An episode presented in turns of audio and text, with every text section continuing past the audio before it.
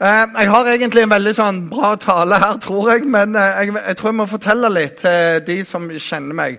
Jeg begynte for halvannet år siden i Randesund misjonskirke. Per definisjon en passelig gammel menighet, for den startet 1984. Og Jeg var ikke på jakt etter noe sånn, for det er trygt, det er godt. Alt fungerer egentlig veldig bra. Altså alt som ikke motiverer meg en eneste millimeter her i livet. Og jeg vet jeg er den annerledes. Ingen av dere andre. Det er jeg, og det har jeg alltid vært og kommer alltid til å bli. Eh, Gjermund Nygland, som noen kjenner, han ba til Gud en gang og sa Gud, hvorfor har vi ikke flere som Roy Elling? Og så fikk han bare et svar sånn fordi det fins ikke bønnedekning. Jeg aner ikke hva det går i, men eh, han lo veldig godt av det. Dette halvannet året så har vi fått sett utrolig mye bra skje, som fortsetter på det som allerede har skjedd. Et par korte historier. Fordi det er noen ting vi fokuserer på. Det ene er at folk skal møte Jesus, ta imot ham, og folk skal oppleve livsforvandling. Det er det vi sikter på hele tida. Og Det tror jeg det er noe av det viktigste vi gjør mens vi er her. Det er at flere skal få lov å møte Jesus gjennom oss og gjennom det arbeidet vi står i. Og når vi òg er kristne, at vi opplever at Gud får jobbe i oss. Indre helbredelse, vaner som bytter karakter, og ser et liv som ligner mer og mer på Jesus. Så For fire uker siden så kom det en kar fram til hovedpastoren Jarle og så sier han du kjenner meg ikke. Nei, sier jeg. Nei, jeg heter det og det, sier han. Jeg er 30 år. Og jeg ble kristen her i mars. Og så forteller han i to og en halv time livshistorien sin. Om en far som forlot dem når han var en måned gammel. En mor som har prøvd hele livet å gjøre det beste ut av en dårlig situasjon. De kommer fra et annet land. Og hvor de har flytta rundt og rundt og rundt. Og rundt. Og hun havna i dårlige forhold, dårlige arbeid. Og han bodde av og til hos mor, av og til hos venner, overalt. Veldig rotløs. 17-18-årsalderen så begynner han å søke etter mening med livet. Prøver all slags naturreligioner, panteisme, New Age, spiritualisme, you name it. Han har vært innom veldig mye. Begynte å røyke marihuana, buddhisme, andre ting som kunne gi en åndelig opplevelse. Søkte inn i Eh, satanisme det var ikke så særlig bra for nattesøvnen. Eh, for hver gang han prøvde å sove, så var det akkurat som en demon kom og holdt ham våken. Og Så kommer han til et punkt der han merker hva er det? Alt det jeg har søkt inn i, har én felles fiende, og det er denne karen Jesus. Hva enn jeg søker, så hater de Jesus. Så han på en eller annen måte så fikk han litt sympati for denne Jesus. For alle hater han. Og så tenkte han jeg må jo begynne å lese litt. Begynte han å lese Bibelen. Og så begynner det å skje noe i han. Så kom han på ett møte i mars. Og mens han sitter der, så opplever han Gud sier, 'Du må stole på meg.' Og så sier han, 'Det er det jeg må.' Og så gir han livet til Jesus der og da.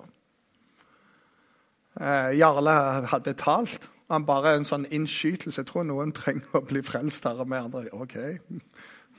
og så var det han, og så var det to til. Og så sier han Jeg kommer tilbake til min samboer og forteller dette. Og så er det akkurat som Gud bare taler til han om ting. Ingen sier noen ting, men han sier til henne vi kan ikke ha sex mer før vi gifter oss. Fordi jeg er en kristen nå. Ingen har sagt noe om det. Han hadde en haug med death metal-musikk. Han sa jeg måtte bare kaste det. For, for meg så var det veien til marihuana og til New Age og til alt i sammen. Så jeg måtte bare vekk med det. Og han sier det, det er ikke sikkert andre har det sånn, men for meg var det sånn.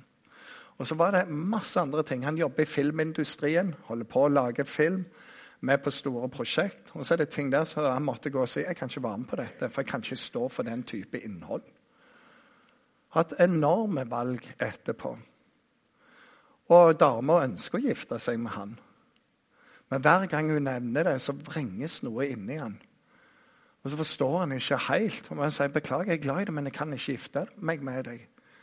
Og så Senere så finner han ut det er fordi hun ikke tror Og jeg må ha en troende med min side. For jeg har funnet det jeg leter etter. Vi må ha det sammen. Og så er jeg ikke sikkert det er sånn for andre, men sånn var det for meg. Og etter en lang, lang prosess så blir hun med på møte for en måned siden. Og de kommer hjem, og hun har ikke en kristen bakgrunn, men helt andre religioner. Så kommer jeg hjem, så er hun tydelig irritert. Sitter der og strikker. Jeg vet ikke om dere ser kvinner når de strikker ut sinnet sitt. Det var veldig mye der. Anne. Og han hadde satt opp Netflix, for det kunne han heller ikke ha. Han kunne bare se kristne filmer veldig sånn dedikert. Så de sitter og ser en Jesus-film dørene sammen. Og mens de sitter der, og hun er sur som ei podde, så til slutt bare kaster hun alt sammen. Og så sier hun det er noe inni meg som sier jeg må stikke deg med deg. Og så bryter hun sammen og begynner å grine. Og så tar hun imot Jesus, hun òg. Uka etterpå kommer de tilbake igjen og snakker med oss. Og det er en enorm historie. Fordi Jesus var der. Denne Jesus som alle hater. Så har vi ei annen dame som kom på et møte, ble invitert forrige advent.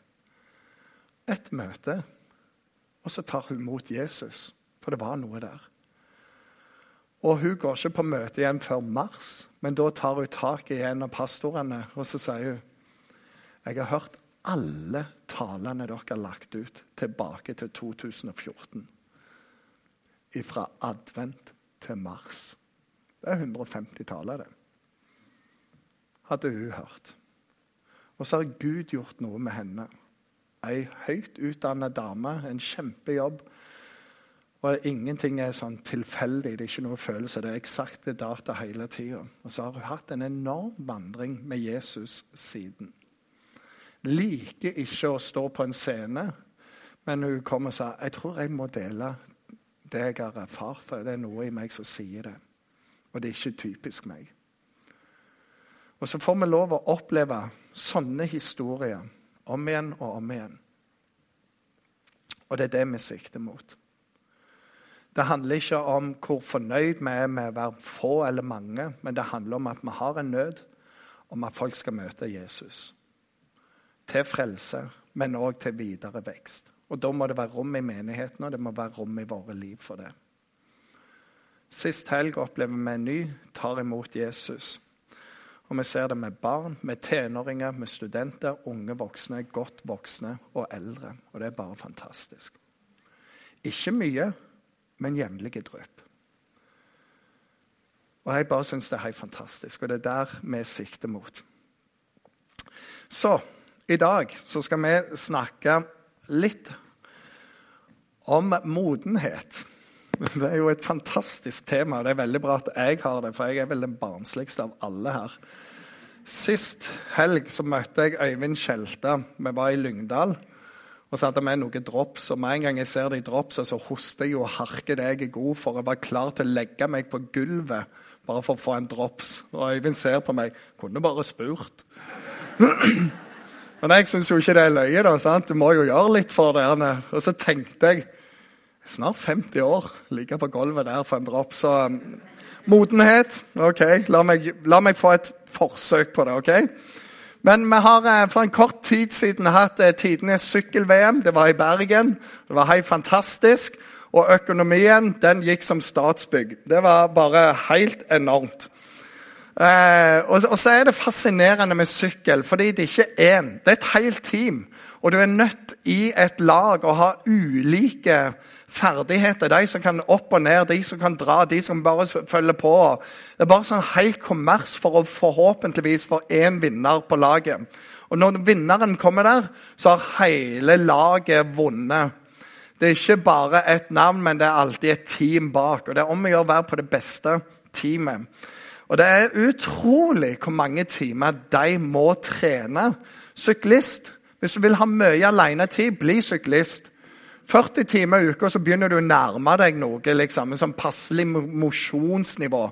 Trener du styrke, så holder det med tre treninger. Du får ingen alenetid. Så syklist er det du må sikte mot.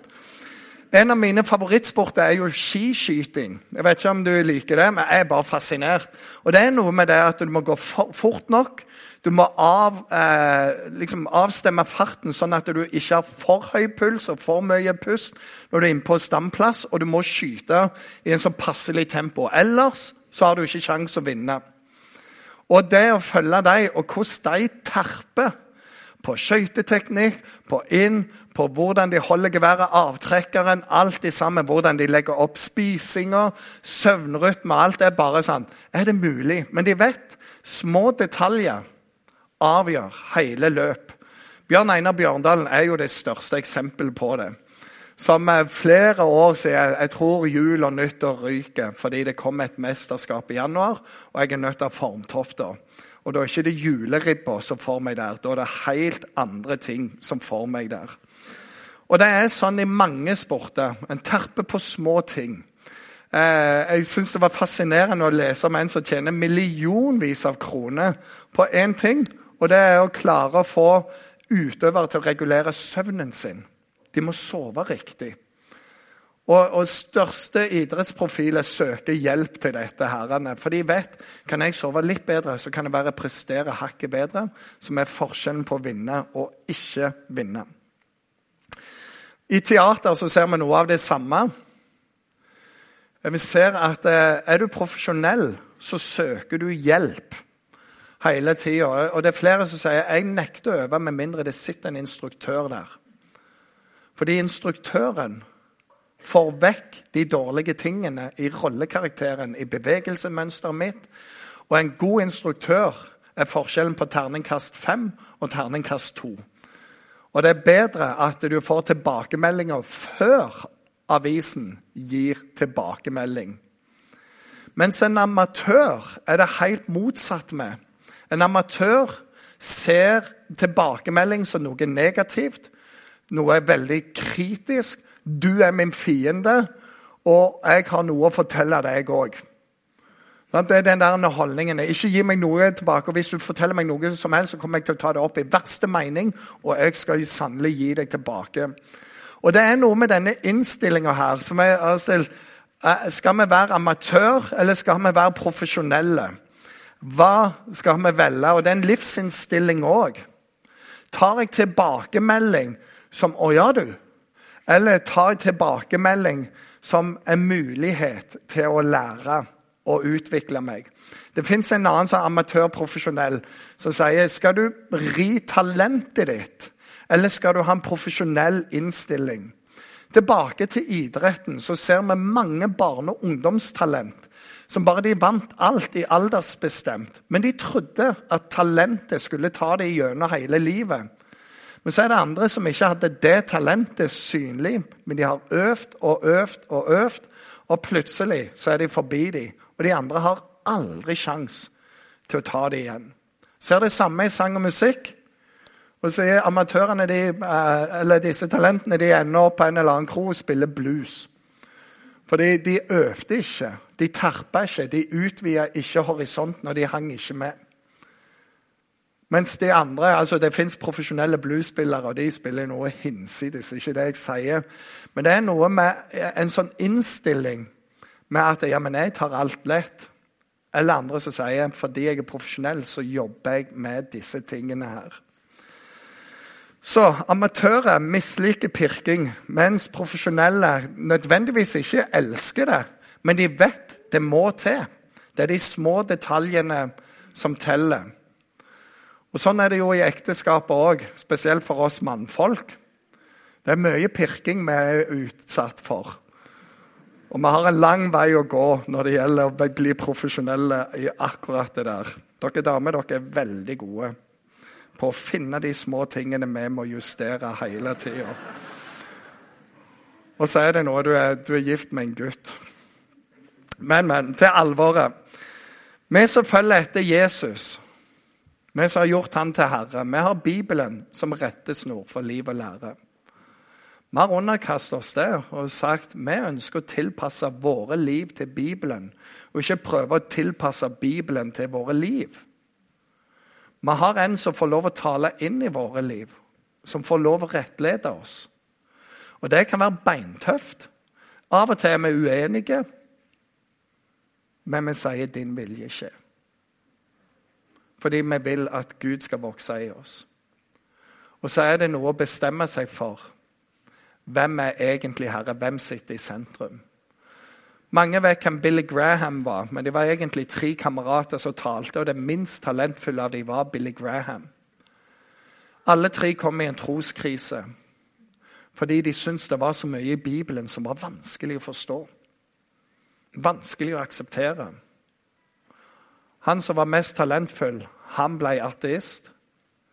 Billy Graham han sa på et tidspunkt når han kjempa med det Jeg forstår ikke alt, jeg er ikke enig i alt, men jeg tror at Gud vet best, og derfor så underkaster jeg meg. Og etter det så tok den karrieren rimelig av. Og En dag så sitter han på et talkshow, og så sier han som intervjuer han etter lenge sånn Wow!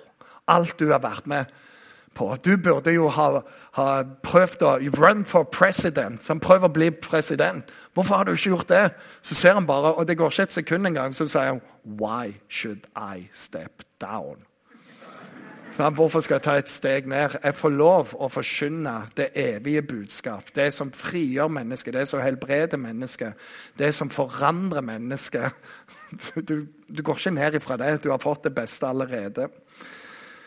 Så dagens eh, tekst den kommer fra Kolosserne 1, vers 27 29.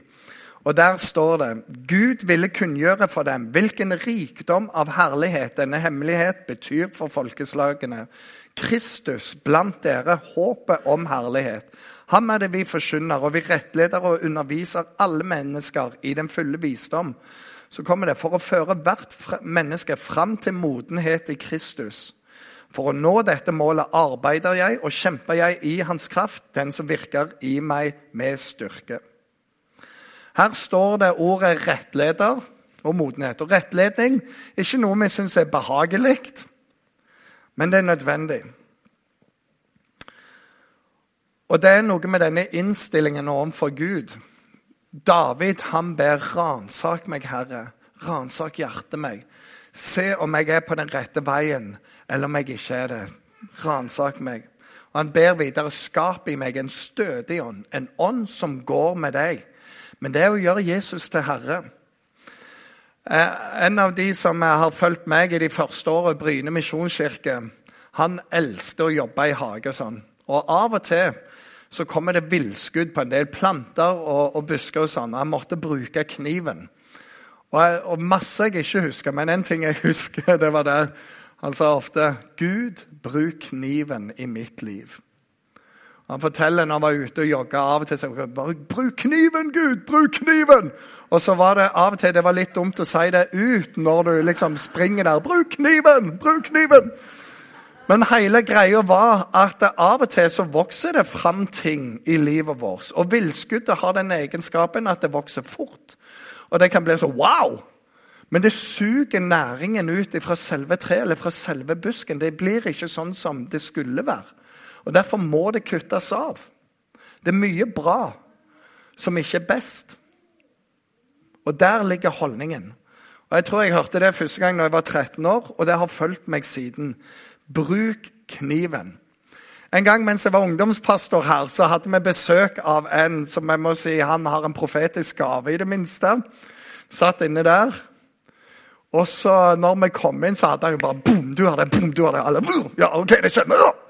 Så tenkte jeg nå kunne jeg være litt frimodig. Og så sier jeg litt sånn i sjelesørgerisk rom med 50 andre så jeg, føler Gud, at det er akkurat sånn jeg er bare på sånn platå. Det skjer ingenting nytt. Bare det samme om og om igjen. og ja, liksom Søker Gud, men det skjer ikke. Akkurat som ikke bønnesvar. Og så fikk jeg dette veldig pedagogiske ikke-svaret. Det var bare sånn, ja, men det er jo fordi du har synder og ting i livet ditt som ikke kan være der hvis Gud skal føre deg på et nytt nivå. Så må bli kvitt det. Takk for den sjelesorgen. Var akkurat det jeg var på jakt etter. Og så visste jeg jeg må ikke være amatør. Og så var det noe i det, men jeg hadde aldri tenkt på det. Den som er tro i lite, er tro i mye. Så, så fang de der små tingene i livet ditt. Hva er det Gud taler om? Og For meg så er det veldig enkelt. Hvis Gud ikke taler om noe, så ha fred. For djevelen han alltid sa ja, det er mye dårlig med deg.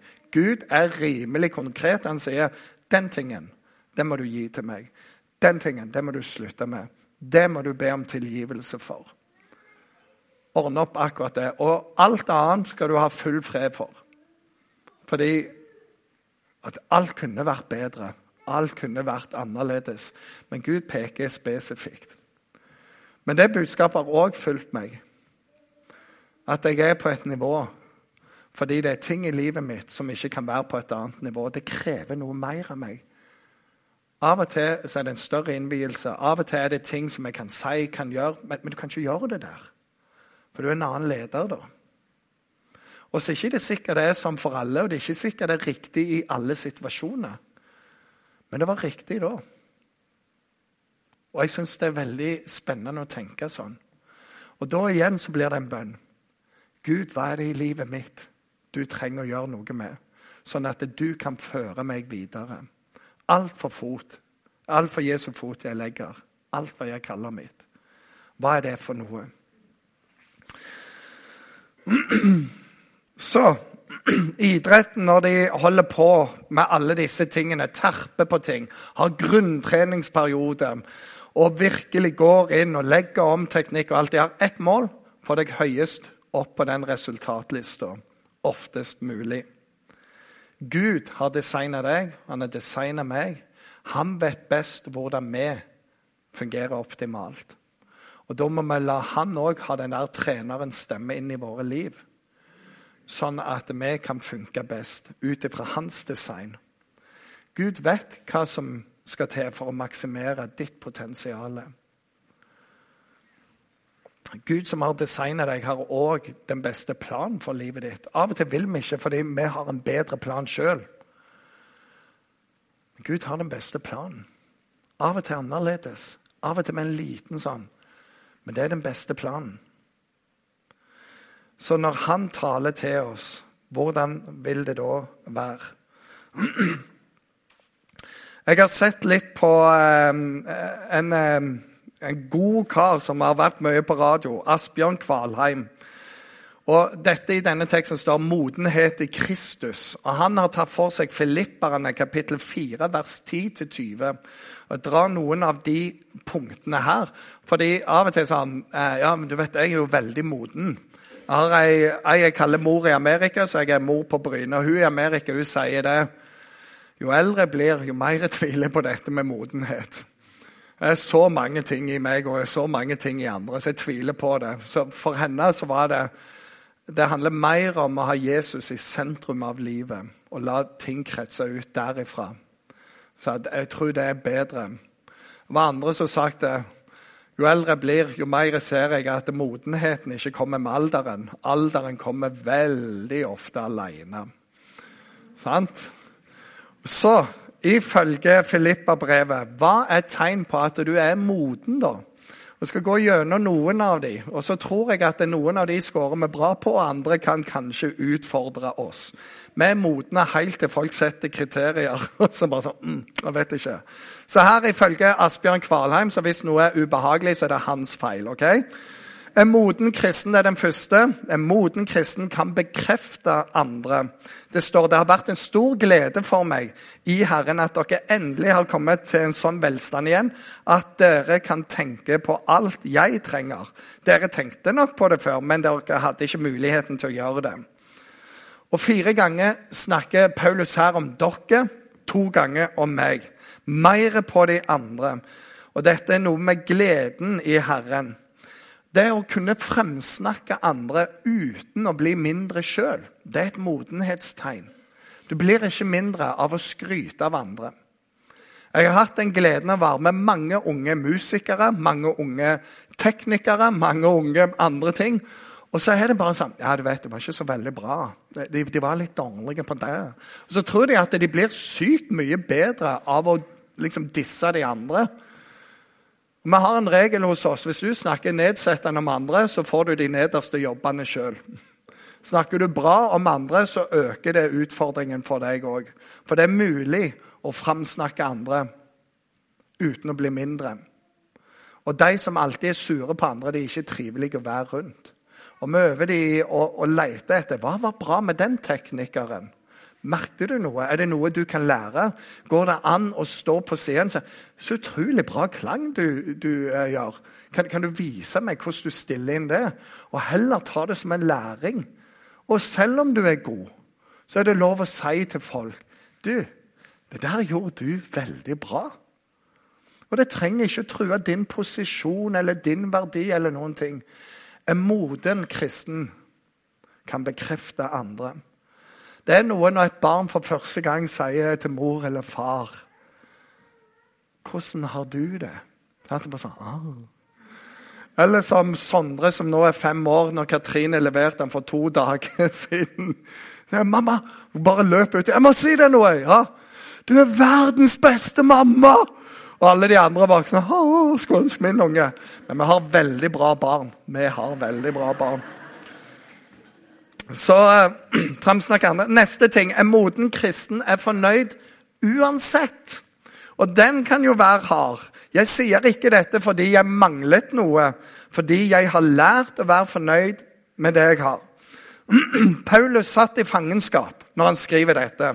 Det var ikke sånn at han satt eh, på en eller annen riviera, var rundt Middelhavet der, og det var flott. Han satt i fengsel. Han hadde utrolig lite tid alene.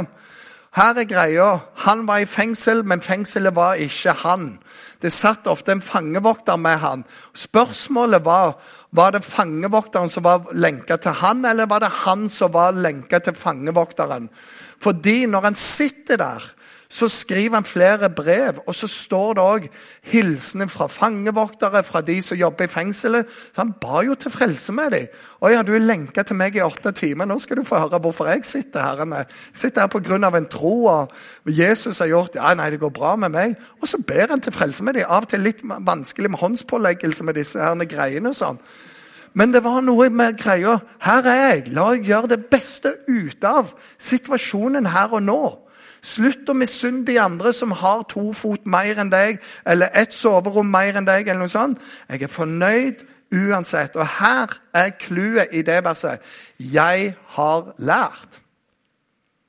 Det kommer ikke av seg sjøl, men det handler om å lære seg å være fornøyd. Husker jeg en medpastor, Jens Kåre Lindahl, hadde kjøpt et hus ute i Vågsbygd. Var ikke verdens største, på et lite rekkehus.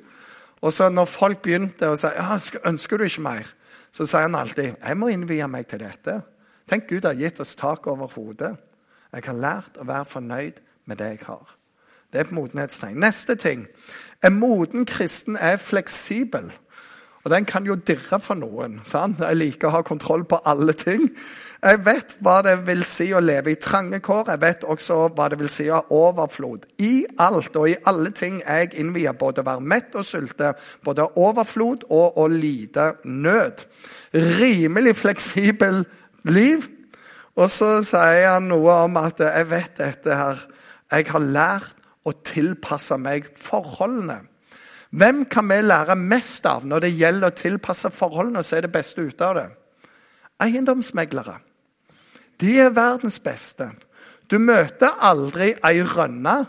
Du møter uendelig med muligheter. Du møter aldri et lite og trangt hus. Du møter intimt og koselig. Og så er det hele språkbruken, hele tingen. Det er ikke rare løsningene, det er spennende løsninger. Her har fantasien vært, og det er bare helt utrolig bra. Så lær litt den der, lær å se den andre sida og framsnakk det. Til slutt så tror du på det sjøl. Det er jo veldig bra. Vi har noe som vi gjør med studenter og unge voksne. Og Det er noe som heter på klingende norsk 'escape and pray'. Ta av gårde og be. Og Konseptet er veldig enkelt. Du søker to til fire stykk om å få være et team som reiser til Europa for å be i to døgn. Hvis du blir godkjent, så må du levere kopi av passet og 2500 kroner til oss. Og så er vi enige om et tidsrom, og innenfor det tidsrommet så kjøper vi billett til en plass tur-retur. Så får du beskjed om hvilken flyplass du skal møte på. Og så river du opp konvolutten og sier at Berlin skal vi til. Å, vi skal til Warszawa. Og så er det bare på flyet. 2500 dekker flybillett, eh, transport fra flyplassen inn til byen og litt mer men ikke nok til overnatting og mat og godhet. Litt mer. Og så er det i to døgn. Stole på at Gud forsørger deg. Og det er å bli fleksibel. Og Vår drøm for dette kommer fra England. Vår drøm er at det på ett tidspunkt, vi aner ikke når, så ønsker vi at ungdommer fra hele Europa reiser sånn, sånn at hele Europa dekker en bønn samtidig. Hva vil det skje da? Men da trenger du være litt fleksibel. Det er helt fantastisk. Og når vi sendte ut team, mange som ville, og når Gud trenger virkelig mannfolk, så ble det team av jenter alltid sammen. Jeg burde fått et amen fra det, men det er greit. Så, Neste punkt. Er moden kristen er tillitsfull i Kristus? Paulus skriver alt makter jeg i Han som gjør meg sterk. Alt makter jeg i Han som gjør meg sterk. Det er noe med den tilliten til Jesus der. Og igjen sammenhengen. Paulus strutter ikke av krefter her og har sett det. Han sitter i fengsel. Han har det kummerlig. Og så skriver han bare 'Alt makter jeg i Han som gjør meg sterk'. Kraften trer ofte fram i svakhet. Og så er det noe med Det står i første Korinterbrev kjærligheten. Utholder alt, tror alt, tåler alt. Og Det er noe av det som han sa. Og så håper han alt. Og Han skriver også en annen plass. For meg er livet Kristus og døden en vinning. Skjønner du, Når du har det perspektivet, så kan du si dette. En moden kristen kan si det. Neste punkt. Modne kristne er rause til å gi. De trenger ikke å finne ei kone i benkeraden engang. De bare elsker Herren, og så gir de. Allerede da jeg var i Tessalonika, sendte dere både én og to ganger det jeg trengte. De sendte penger med glede flere ganger. Jeg hørte nettopp en av de største komikerne, kristne komikere i USA. Han snakket om eh, det å være sjenerøs. Og så sier Han sånn, fordi hadde, han hadde truffet en familie som hadde fire barn. som hadde fått en eller to fosterunger. Og så fant de ut de måtte adoptere to til, men det var en søskenflokk på fem. Og de visste hvis vi adopterer to, så kommer de andre ikke til å se de andre igjen. Så de adopterte de fem. Det ble ganske mye unger i det huset der. Og plutselig så blir bilen stjålen. Og så eh, finner han komikere ut vi må gjøre noe, for han ble kjent med disse. Og så satte han opp et show som aldri ble vist. Betal billett til et show som aldri kommer til å skje, og være med og støtte denne familien. Og så sier han midt inni der Fordi vi må gi. Det handler om giverglede. Jeg snakker ikke om tiende, for det, det er ikke å gi, det er å stjele. Du stjeler fra Herren. Jeg snakker om å gi. Gi deg glad. Det er ekstra. Og så følger vi historien, og så ble det der veldig, veldig bra. Sånn tåredryppende historie. Eh, og så er det en ting, fordi vi liker jo her å være sjenerøse. Vi liker at folk kaller oss sjenerøse. Sjenerøs er ikke det du gjør en gang innimellom. Sjenerøs er å være. Du kan gjøre sjenerøs, eller du kan være sjenerøs. Å være sjenerøs, det handler om for vane. En del av dere gir ukentlig eller månedlig. Det er å være sjenerøs. Og vi som tenker at vi er veldig sjenerøse, sjekk hvor ofte gir du egentlig. En modne kristne er rause til å gi. Det er ikke bare å gi en tiende, men det er å finne en måte å velsigne andre på. Penger, tid, gjenstander, husrom, hva som helst. Det er noe med det modne kristne som ligger der, som bare må gi. Hvorfor? Jo, for det står det. Gud som ga oss alt gjennom Jesus, kan han noe annet enn å bare gi alt med han. Og Når vi kobler på han, så blir vi givere òg. Det er et modenhetstegn. Neste ting. Modne kristne er opptatt av frukten av gaver og arbeid. Opptatt av at det går til noe. På lista, hvis du er i barnekirka der, og de samler inn penger, så er det alltid noen tre-fire-femåringer som skal be for den kollekten. Så her, Kjære gode Gud, vi ber for den gaven som du har tatt inn her i dag. At du skal velsigne den glade giver, og at pengene skal strekke langt. I Jesu navn. Amen. Og bare tenker jeg Tre år gammel! Hvor tar du det fra? Kanskje ekko, men den bønnen kan de. De har vært for mye på møte, tenker jeg. Men det er noe med denne frukten som en er opptatt For det første du gir deg glad. Større lykke å gi enn å få, sa en kar. Jeg tror han heter Jesus. Så jeg vet ikke hvor mye vi skal bry oss om det var sant eller ikke. Men han sier det er større lykke å gi enn å få. Så hvis vi tar det som en profesjonell, så må vi jo prøve å praktisere det. Gi til det slutter å svi, sånn at du kan gi deg glad etterpå. Men noe av denne frykten er at du får tilbake igjen et godt mål. Stappa rusta, står det i Bibelen. Du ikke få penger igjen, men du får velsignelse igjen. Og for den som mottar, så er det en frukt og en gave. En ser at Gud forsørger. Og For Paulus så betydde det at de kunne forsyne evangeliet til stadig flere folk. Det må penger til for at Guds ord skal ut. Så denne frukten var mer opptatt av. Og Den siste fra Asbjørn Kvalheim. Modne kristne gir æren til Gud. Vår Gud og Far være ære i all evighet. Paulus fortjener ros og heder for alt det han gjorde. Han tenkte aldri på det. Det handler om Jesus alltid sammen. Vi er heldige som får lov å være med på det Jesus gjør. Husker han jeg fortalte om til å begynne med i dag? Vi er heldige som bare får være der. For det er Gud som har gjort det i Han. Og tilfeldigvis er det akkurat i et av våre møter og at han går der. Men det kunne skjedd hvor som helst. Vi får bare være med på det Gud gjør. Så med alle de tingene der så tenker jeg sånn Er det ett eller to punkt som jeg tenker Ja, Der. Der kan jeg kanskje ha bitte litt å gå på. Skal jeg ta det som en profesjonell eller som en amatør? Jeg vet amatør er et dårlig bilde. Ikke særlig kristent, og det står ikke veldig mye om det i Bibelen. Men du henger med. Vi vokser når vi tar tak. Vi voksne sier OK, jeg går etter det der. Det står Gud ville kunngjøre for dem hvilken rikdom av herligheten denne hemmeligheten betyr for folkeslagene. Kristus blant dere, håpet om herlighet. Det er ham vi forkynner og vi rettleder og underviser alle mennesker i den fulle visdom. Målet er visdommen for å føre hvert menneske fram til modenhet i Kristus. Og For dette mål arbeider jeg og kjemper jeg i Hans kraft, den som virker i meg med styrke. Så amen. Skal vi be en bønn? Himmelske Far, jeg takker deg for ditt ord. Det er uendelig godt, og så utfordrer det oss. Og så Av og til må vi kjempe med det, for vi forstår det ikke. Eller vi kan synes det er feil. Men hjelp oss, Herre, sånn at vi underlegger oss ditt ord, Herre.